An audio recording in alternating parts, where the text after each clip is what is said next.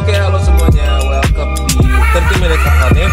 Jadi dalam 30 menit ke depan, gue bakal nemenin lu di podcast ini. Pada episode kali ini, gue bakal ngebahas tentang Brazil, di mana negara tersebut dikenal dengan sepak bola, patung di Rio, sama ikan piranha. Nah, gue udah sama temen gue, namanya Alvina Dumantika, yang udah lama tinggal di Brazil, jadi harusnya dia ngerti. Oke, Vina.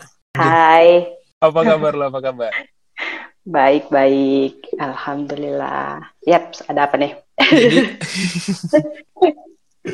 jadi gimana di Brazil sekarang kondisinya lagi new normal juga kan berarti ini? Kalau new normal belum. Jadi Oh, belum. memang belum. Kalau apa ya? Jadi kan kita karantina tuh dari Maret. Mhm. Itu yang awal yang awal banget ditutup itu adalah sekolah dan kampus. Itu ditutup. Terus habis itu barulah fasilitas-fasilitas lainnya kayak mall, tempat gym, tempat liburan gitu-gitu. Terus baru per Juni kemarin bertahap dibuka, tapi yang masih tutup itu tetap sekolah, terus tempat gym itu masih ditutup, salon itu masih ditutup. Jadi new normalnya belum ada sih. Kalau restoran udah buka dari awal tuh memang beberapa buka, tapi semuanya masih di take away, jadi masih deliver apa delivery online, masih gitu-gitu aja sih. Jadi belum bisa nongkrong-nongkrong di mana gitu. Park eh, park kayak taman kota gitu yang biasa buat olahraga Mhm. udah sih udah dibuka. Jadi tempat olahraga itu hanya di tempat terbuka umum gitu. Kalau tempat gym, tempat apa eh, pilates gitu-gitu yang yang komersial itu masih ditutup. Oh, Gitu sih ber- di sini. berarti berarti di situ em, emang taman-taman gitu ditutupnya gimana caranya? Ditutup, jadi akses masuknya ditutup kan sebagian ada pagar terus ada jalan, nah tutup sama uh, polisi, dijaga polisi gitu. Nah sekarang dibuka, tapi kendaraan hanya bisa parkir. Biasanya itu kendaraan bisa masuk, ini kendaraan hanya bisa parkir di depan, terus ya udah kita olahraga di dalam. Tapi di sini juga walaupun udah dibuka, semua masih sepi banget. Kalau di Brasilia ya, di Brasilia. Mall tuh sepi, supermarket sepi, jalanan sepi, tetap kayak gitu. Iya masih kayak gitu sih. Jadi mungkin sebagian orangnya ya masih sangat waspada lah gitu sama dirinya sendiri karena kan Brazil cukup tertinggi ya, tertinggi nomor dua untuk kasus Mhm, COVID mhm, ini mhm, gitu. Jadi ya kitanya sendiri yang harus hati-hati. Tapi ini kan lu kan di Brasilia kan. Nih, lu tau nggak kalau kayak kalau di Brazil tuh kan sebenarnya kan yang terkenal kan kalau nggak Sao Paulo Rio kan. Iya betul. Hmm, kalau di situ Ya, lu tau nggak kayak gimana? Nah, kalau kasus di sana kan memang yang terbesar ya, karena kan mereka itu termasuk eh, di Sao Paulo dan Rio itu termasuk kota transit dari antar negara. Kalau kita flight, terus tempat liburan, tempat bisnis juga dari berbagai macam eh, mancanegara gitu. Jadi apa awal mulanya itu kan karena mereka tempat transit itu pasti kan dari berbagai negara Ah, segala iya, macam iya. sebelumnya sebel- sebelum ditutup makanya itu cukup cukup tinggi lah mereka di sana gitu. Ya terakhir sih kalau lihat-lihat di berita eh, tetap sih masih kasus tingginya masih terus kemarin sih kalau lihat berita ya yang main-main di pantai juga udah tetap ada sih gitu. Cuma kalau secara detailnya gimana ya kurang paham juga gitu. Karena kita sendiri belum bisa ke sana, penerbangan juga belum dibuka banget kalau memang bukan keperluan penting gitu. Oke, gitu. oke. Jadi kita belum ada yang ke mana-mana. Nah, terus nih kan berarti di Rio itu tadi karena memang dia tempat transit, makanya eh, awal-awal itu banyaknya di sana ya Rio sama Sao Paulo tadi ya. Iya, kalau secara masuk ya dari sana, terus yang besar itu memang di eh, Rio, Sao Paulo, sama di Amazon termasuk tinggi itu. Tapi sekarang sih Amazon udah mulai cukup eh, turun lah gitu. Tapi dua kota ini masih masih cukup tinggi. Oh, Amazon ini bukan hutan doang ya, ada kotanya ya? Bukan, ada penduduknya, ada. Jadi kalau kita turun pesawat ya di sekitaran situ ada, terus kita nyebrang lagi tuh ada suku aslinya Amazon, gitu. Oh, jadi Ada. ada ada Banyak yang wisata ya? ke sana juga ada, ada. ada. Gue di pikiran gue Amazonnya cuma memang hutan lindung. Yang di anaconda lindung. ya. Ya ada anakondanya gitu sama ikan piranha isinya itu doang yang ada di pikiran gue. Enggak lah, enggak, enggak, enggak. Ada ada kehidupan dan ada suku aslinya ada gitu. Iya kalau suku aslinya gue jadi yang ada di pikiran gue tuh kayak ini hutan ada suku asli Amazonnya ada anakondanya sama ada piranha doang udah. Gue nggak tahu keseringan nonton. Iya, gue nggak tahu kalau ada kotanya di situ. ada lah. Ada kok. Tapi kan kemarin tuh sempat ada ini ya, sempat eh, di Brazil itu yang kayak banyak banget yang akhirnya meninggal kan. Iya. Itu memang sebanyak itu. Iya, memang kalau secara data ya memang eh, cukup banyak gitu. Tapi kan balik lagi sebenarnya kan kadang yang meninggal itu juga bukan hanya karena COVID gitu. Jadi ya macam-macam. Karena kebanyakan di kota sana pun banyak orang tuanya gitu. Jadi yang memang udah punya sakit bawaan, terus mungkin dia juga terkena ataupun tidak, ya bisa jadi terhitung terhitung meninggalnya karena COVID gitu. Oh, jadi memang karena dari orangnya sendiri pun rata-rata memang sudah eh, usia lanjut ya. Iya usia lanjut dan memang udah punya penyakit bawaan lainnya gitu. Nah, kalau di Brazil sendiri nih, ini kita bicara di luar COVID ya, di luar COVID senormalnya ya. Hmm. Nah, kalau Ya. di Brasilia sendiri yang paling utama nih, kalau misalkan eh, orang. Indonesia kan bi- biasanya kan kepo-keponya nih yang paling pertama adalah Nah, makanan nih, cuy. hmm. Lu ribet gak sih Kalau- nyari makanan di Brasilia? Kalau di Brazil atau di Brasilia sendiri eh, rata-rata di seluruh Brazil sih hampir sama ya. Makanan itu sebenarnya nggak terlalu ribet karena kalau mau standar makanan Cina masih ada Mm-mm. gitu. Kalau makanan Brasilia sendiri itu sebenarnya nggak banyak macamnya. Mereka itu hanya makan daging, daging eh, mungkin kalau kita steak itu banyak bumbunya ya macam-macam. Tapi kalau di sini itu hanya Mhm. daging yang ditaburi garam khusus gitu, terus dibakar, udah gitu. Terus nasi masih ada.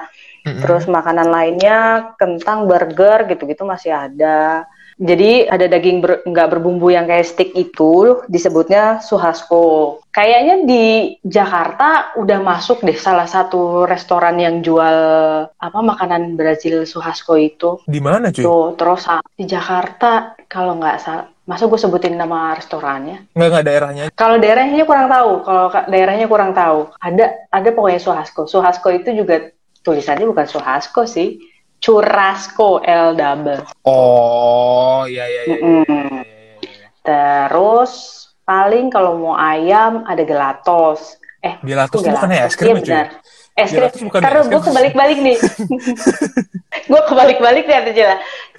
Jel, uh, gelateria, gelateria itu itu jual ayam, ayam bakar gitu deh. Pokoknya hampir mirip, cuman rasa asin gitu doang, tapi gurih lah gitu. Kalau yang makanan-makanan kayak, gue nggak tahu sih ini Brazil sama kayak Meksiko gitu nggak sih yang ada salsa segala macam gitu-gitu? Kalau di sini lebih kalau sayurnya sih cuman salad-salad aja gitu. Nggak pernah nggak ada yang sayur berkuah gitu-gitu. Mereka nggak mereka nggak makan kayak gitu. Paling mereka lebih nyemil-nyemil dan makanannya manis, manis-manis banget gitu. Kayak kue-kue, kayak apa itu semuanya serba manis. Mereka lebih senang kayak kayak gitu. Oh iya, kok tapi kalau untuk orang Indonesia ke sana berarti masih aman Hmm. lah ya. Mereka masih nemuin nasi, daging, meskipun rasanya mungkin agak Iya.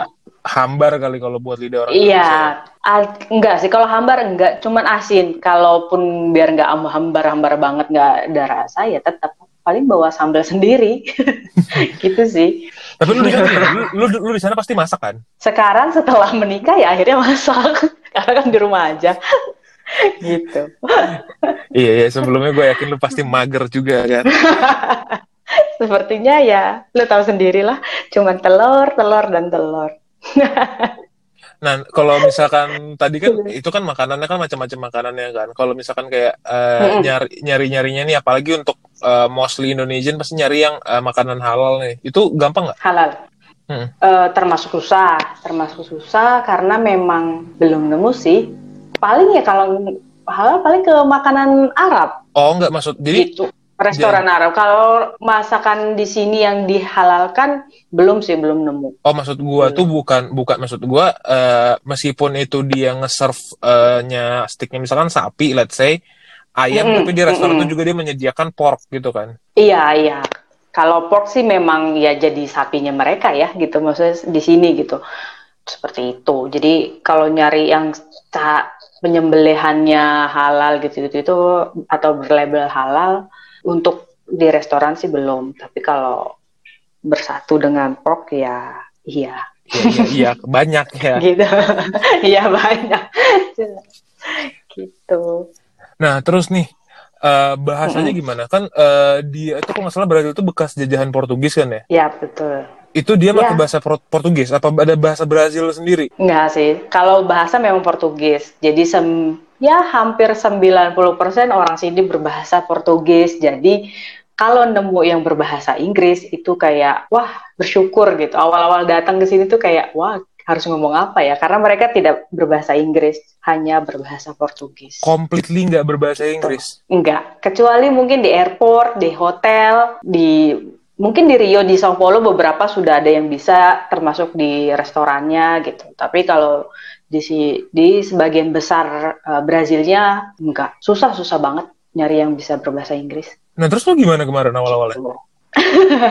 awal-awalnya awal-awal ke sini tuh ya bener-bener kaget karena memang nggak punya pengetahuan karena kita berpikir kalau kita keluar negeri paling tidak mm-hmm. bisa bahasa Inggris saja gitu. Mm-hmm. Sudah ya selama di sini nempel dulu gitu sama orang-orang lama di sini, orang-orang kantor, nempel dulu ke mana-mana mereka ngomong apa. Terus akhirnya sempat sempat apa les Mm-hmm. Jadi ya udahlah setidaknya bisa jajan udah cukup gitu awal-awalnya sih gitu dulu.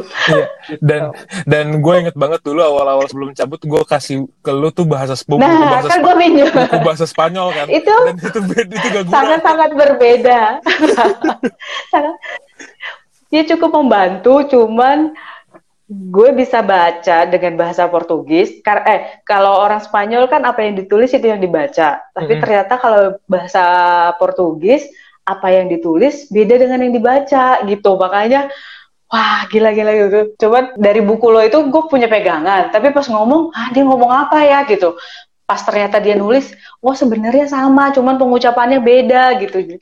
Ah jadi udah serba bingung sendiri gitu. Jadi tambah kadang ya di, sampai sampai saat ini pun Iya, hmm. gue bisa ngomong tapi pas dia orang lain ngomong, ah dia ngomong apa ya? Pas ditulis, oh gue tahu ini maksudnya gitu. Jadi apa? Mana orang sini tuh kalau ngomong cepet kan gitu. Jadi ya Allah ini ngomong apa ya dia gitu.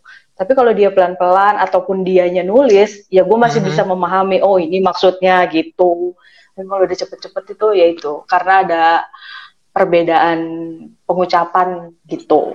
Iya, karena uh, ini gue juga makanya gue kemarin juga mikirnya kan uh, mungkin mm-hmm. pengucapan bahasa Portugis sama kali ya sama bahasa Spanyol. Cuman pas lu lu cerita kayak ini gue mikirnya kayak oh ya beda, berarti emang beda kan beda. Beda.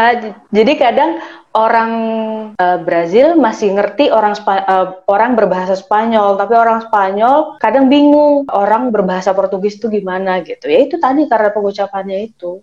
Jadi misalkan gue bilang bahasa Spanyolnya corazon, berarti dia bilangnya uh, Cora itu kan karena tulisannya emang corazon kan? Iya, iya, karena emang tulisannya corazon, kan? Uh, Ya, bacanya corazon.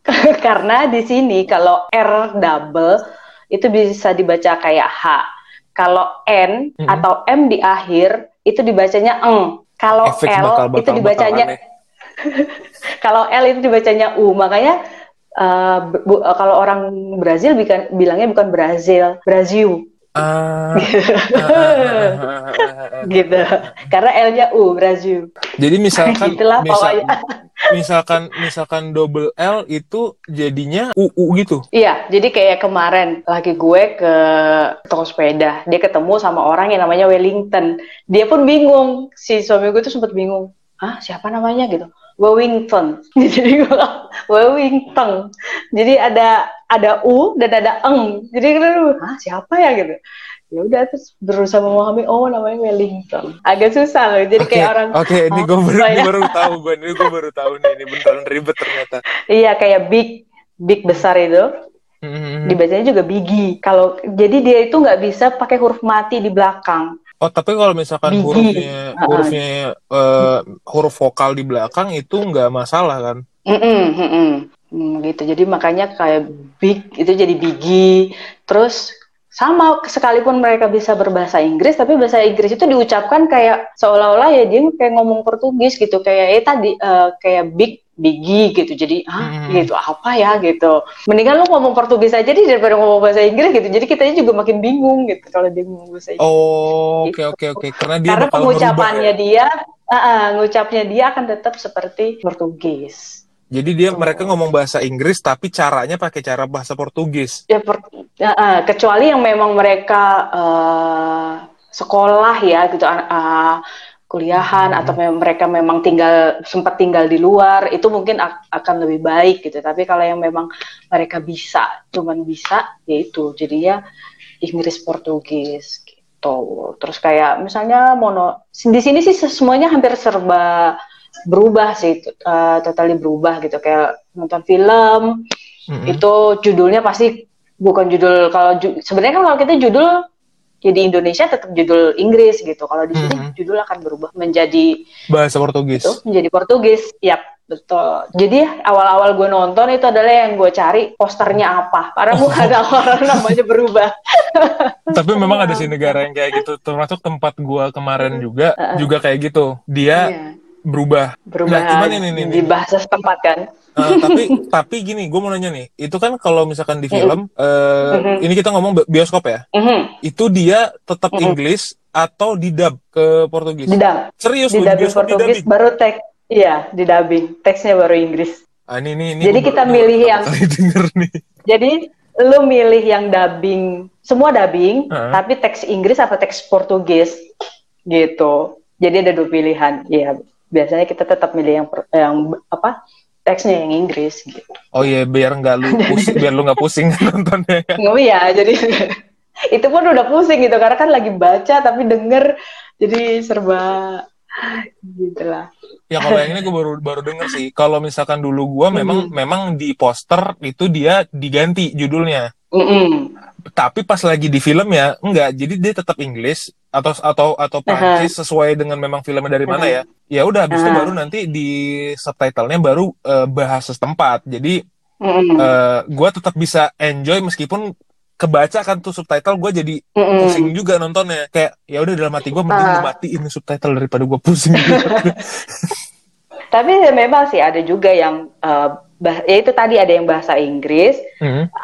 Apa yang teks-teksnya yang Inggris apa teksnya yang Portugis gitu. Oh, berarti lu Terus bisa ada ada juga yang memang dubbing. Mm -hmm. ya masih ada choice lah kalau untuk nonton. Kalau enggak ya makin mati putu mau ngapain sih? Gitu. Kalau fast food fast foodan di sana ada nggak yang udah terkenal? Kayak mungkin brand uh, ayam ayaman itu udah pada masuk nggak di sana? Ada ayam ayam yang kuning? depannya K itu ada bukan ya. yang merah. Oh yang merah yang kuning? Kalau di uh, kalau di Brasilia sendiri dia baru masuk baru masuk baru masuk kalau di Brasilianya. Hmm. jadi di Sao Paulo sama di Rio itu udah ada lama di hmm. Brasilia itu baru masuk akhir tahun kemarin. Yang merah. Yang merah. Uh -uh. Yang merah. Nah kalau yang kuning dia hanya jual burger itu sedihnya nggak ada ayamnya. Oh, I see. Tapi emang kayaknya sih yang kuning. Tapi ini... dia ada nuggetnya, ada nugget, uh, ada iya. nugget sama sama burger. Udah itu doang. Iya, iya. Kayaknya oh. yang kuning ini yang jual ayam cuma di Indonesia deh. Iya, oh iya ya. Kayak seumur umur gue di mana juga yang kuning ini nggak di di luar Indonesia nggak ada yang jual ayam soalnya. Oh, sama ini sih si yang burger raja itu. Ah, raja burger. itu Ya, tet uh, itu tetap uh, uh, sama semua di sini hanya jual burger. Pokoknya saya semua serba burger aja. Ayam ayam tuh hanya si merah itu doang. Hmm, kalau kalau kopi-kopian gimana kan Brazil kan kopinya kan lumayan terkenal juga tuh. Iya, uh, tapi sebenarnya kan kalau uh, untuk si merek ternama itu mm-hmm. itu hanya ada di São Paulo dan Rio. Tetap justru di ibu kota ini nggak ada apa-apa. Oh si, si bintang itu nggak masuk ibu kota?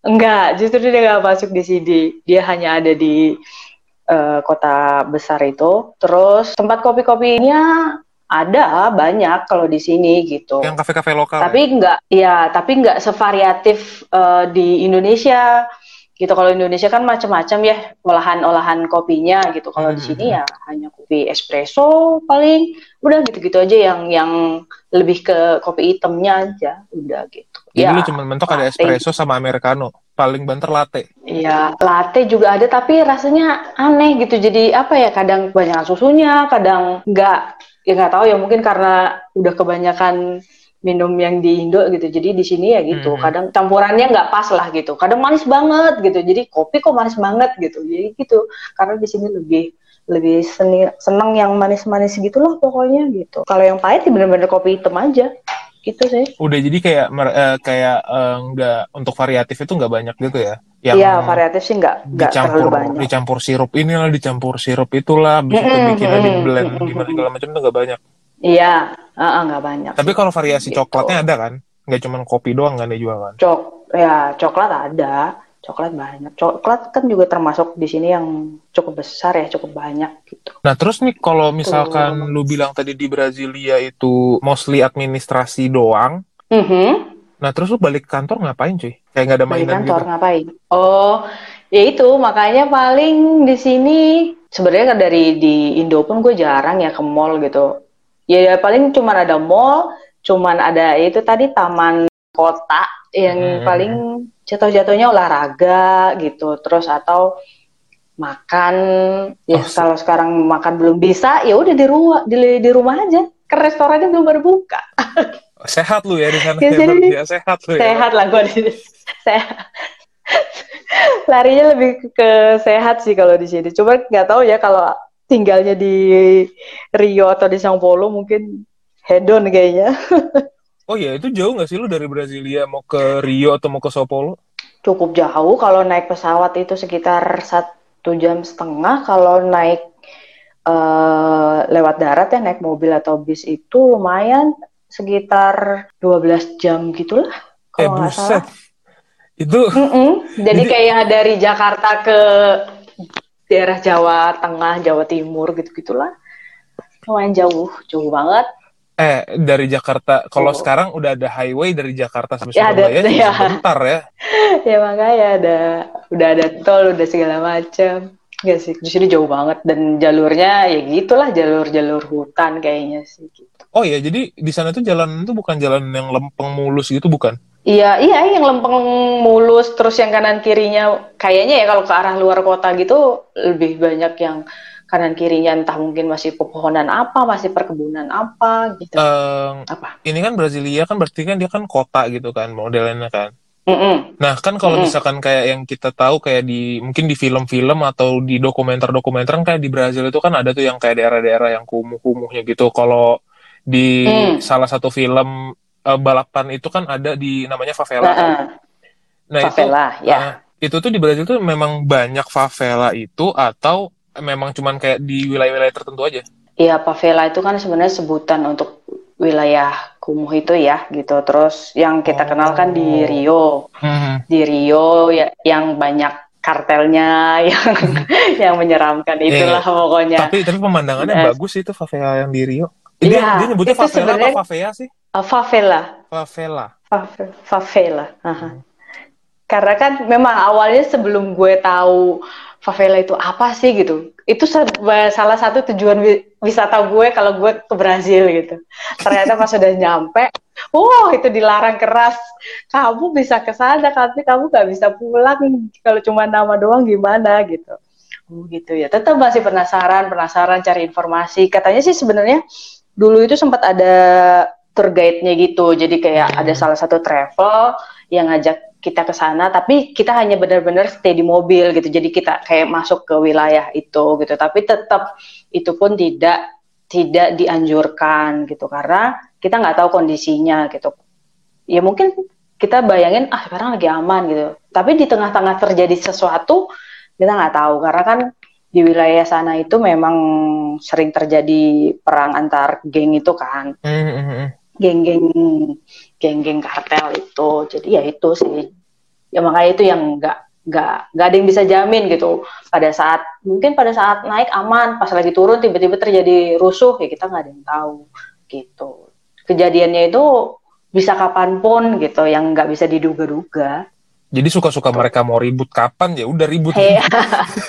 Iya betul betul. Itu sih yang kondisi-kondisi kayak gitu. Ya intinya itu jangankan itu di wilayah yang memang kita udah hmm. dilarang keras untuk ke sana gitu.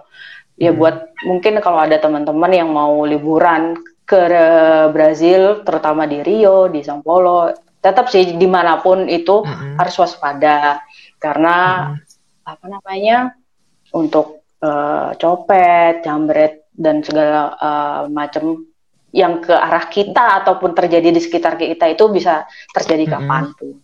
Gitu. Mm-mm. Jadi tetap harus waspada, jangan terlalu mencolok, jangan terlalu gimana-gimana lah gitu.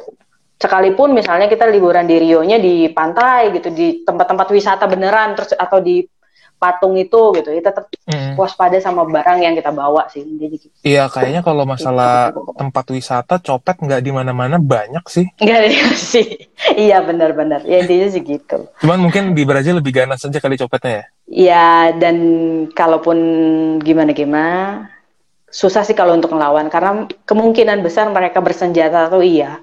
Gitu. Oh, jadi senjata di Brazil itu eh, memang bebas ya? Ya, begitulah kira-kira. gitu. Oh, ternyata agak serem ya, agak serem ya. Nah. Tapi ya maksudnya Uh-uh. ya gitulah. Nah, terus kan nih Brazil ini kan juga terkenal sama si sepak bolanya kan. Lu Ya. pernah nggak sih ketemu kayak eh, yang pendukung-pendukung fanatik? Kayak gue pernah pengalaman di satu negara yang memang pendukungnya Hmm. ini eh, lumayan gokil juga. Jadi kayak Mhm. kalau memang ada eh, tim yang main, mereka bakal menuhin jalan gitu. Kalau di Brazil gimana? Ya, jadi gue pernah nonton Flamengo sama Fluminense. Nah, itu termasuk klub besar kan di Brazil. Iya rame, tapi nggak sampai rusuh karena emang nggak nggak ada hal yang harus diributkan sih menurut gue gitu. Cuman kalau karena kan apa basisnya ma- macam-macam ya kayak misalnya kalau gue nggak salah ya Flamengo itu Hmm. di Rio apa di mana gitu. Jadi Mhm. kalau memang mainnya di sana kemungkinan hal-hal yang fanatik gitu ada gitu. Ah. Termasuk kemarin sempat adanya protes terhadap kebijakan pemerintah di Sao Paulo Mm-mm. yaitu salah satu masa masa demonstrannya itu ya salah satu pendukung apa sepak apa klub bola gitu itu sih Oh, jadi eh, mereka memang fanatik, rame, tapi nggak rusuh ya? iya sel- sejauh ini sih gue belum lihat itu ya kalaupun mungkin karena di Brasilia itu sendiri mungkin tapi Mhm. di luar di luar ini gue belum belum tahu juga sih belum dengar Ya semoga nggak ada yang rusuh sih, jadinya enak kan ngeliatnya. iya sih nonton bola kan ya, ya harusnya enggak sih sportif aja Nah, terus nih, ini bakal jadi menarik juga kalau untuk semua orang Indonesia adalah soal duit. Jadi, jadi di di Brazil nih pakai duit apaan nih? Kalau di sini makanya uh, Real Brazil. Di Real Real, Brazil. Real itu juga uh, uh, uh, Real. Nah, itu bacanya Real karena R-nya jadi H. Uh, Uh-uh. itu pun kalau Real itu nyebutnya untuk satu. Untuk Oke. kalau untuk jamak jadinya untuk jamak jadinya Reais. Jadi kalau satu Real, kalau satu itu Real, kalau dua ya dua Reais gitu. Oke, oke, itu ini- juga ini tulisannya gua- gua- Reais. Gue udah agak pusing nih kalau soal bahasa Portugisnya. Uh, Nah, itu ada di Indo nggak? Enggak.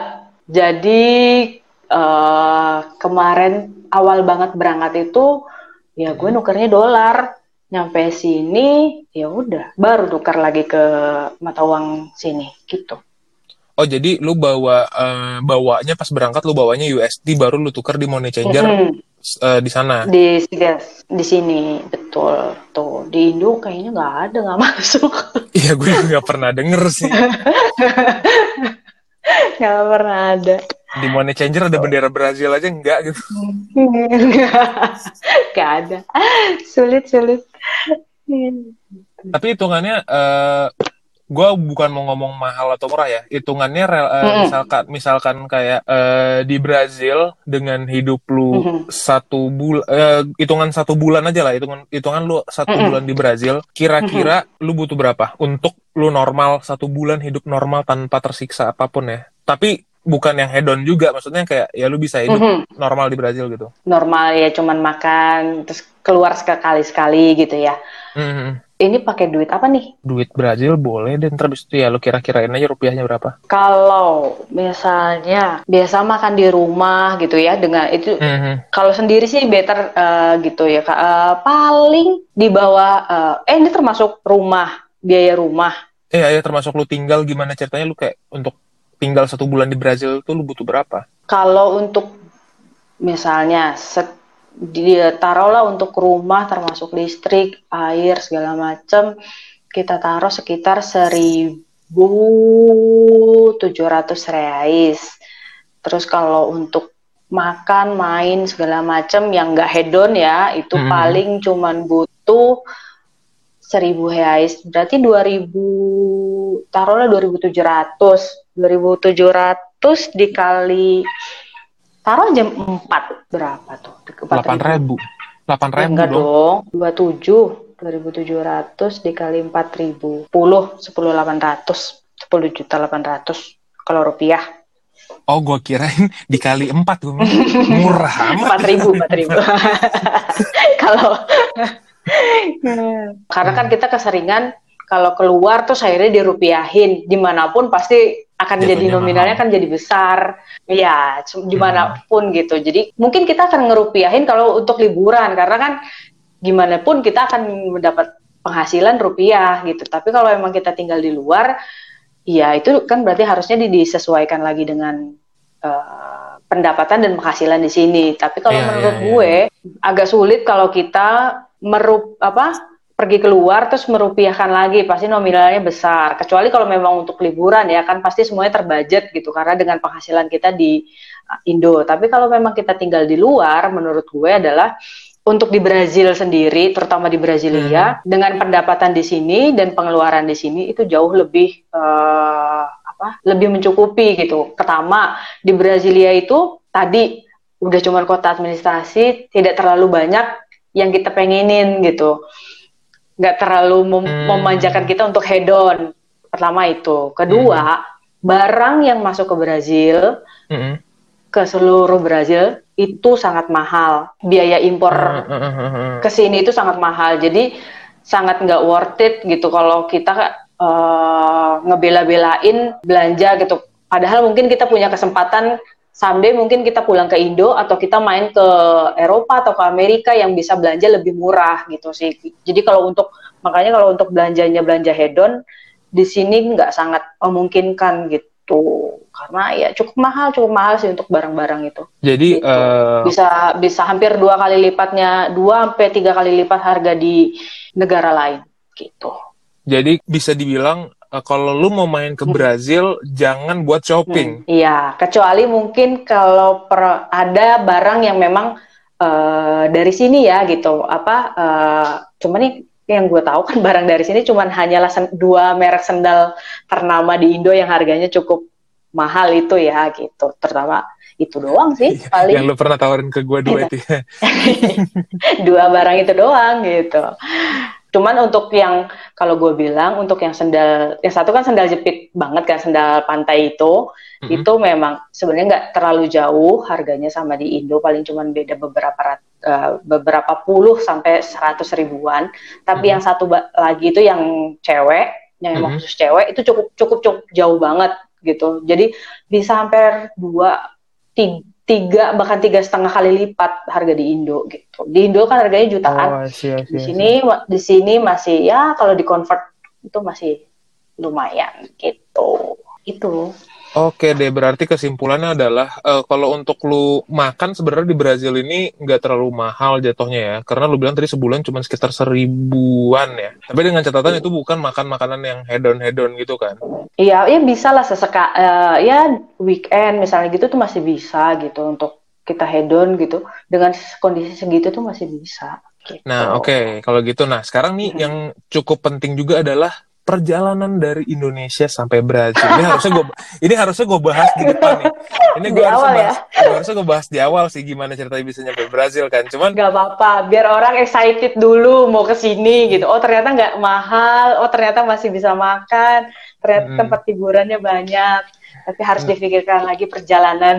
Nah, iya, ini kenapa memang sengaja gue bahas terakhir karena uh, memang perjalanannya ini nggak gampang cuy buat nyampe Brazil tuh nggak sebentar soalnya nggak sebentar karena pertama kali mau berangkat sempet bahas sama lo kan wah gila lo yang bener Vin gitu ya emang bener karena kalau kita mau nyari yang normal normal itu kan dengan ya mungkin cukup agak mahal sedikit terus jalurnya masih jalur yang wajar gitu ya. Itu Mhm. sekitar normal aja sekitar 30 sampai 32 jam Mhm. itu perjalanannya dengan dua kali transit ya. Pertama Mhm. itu di timur di Timur Tengah Mhm. atau di Belanda.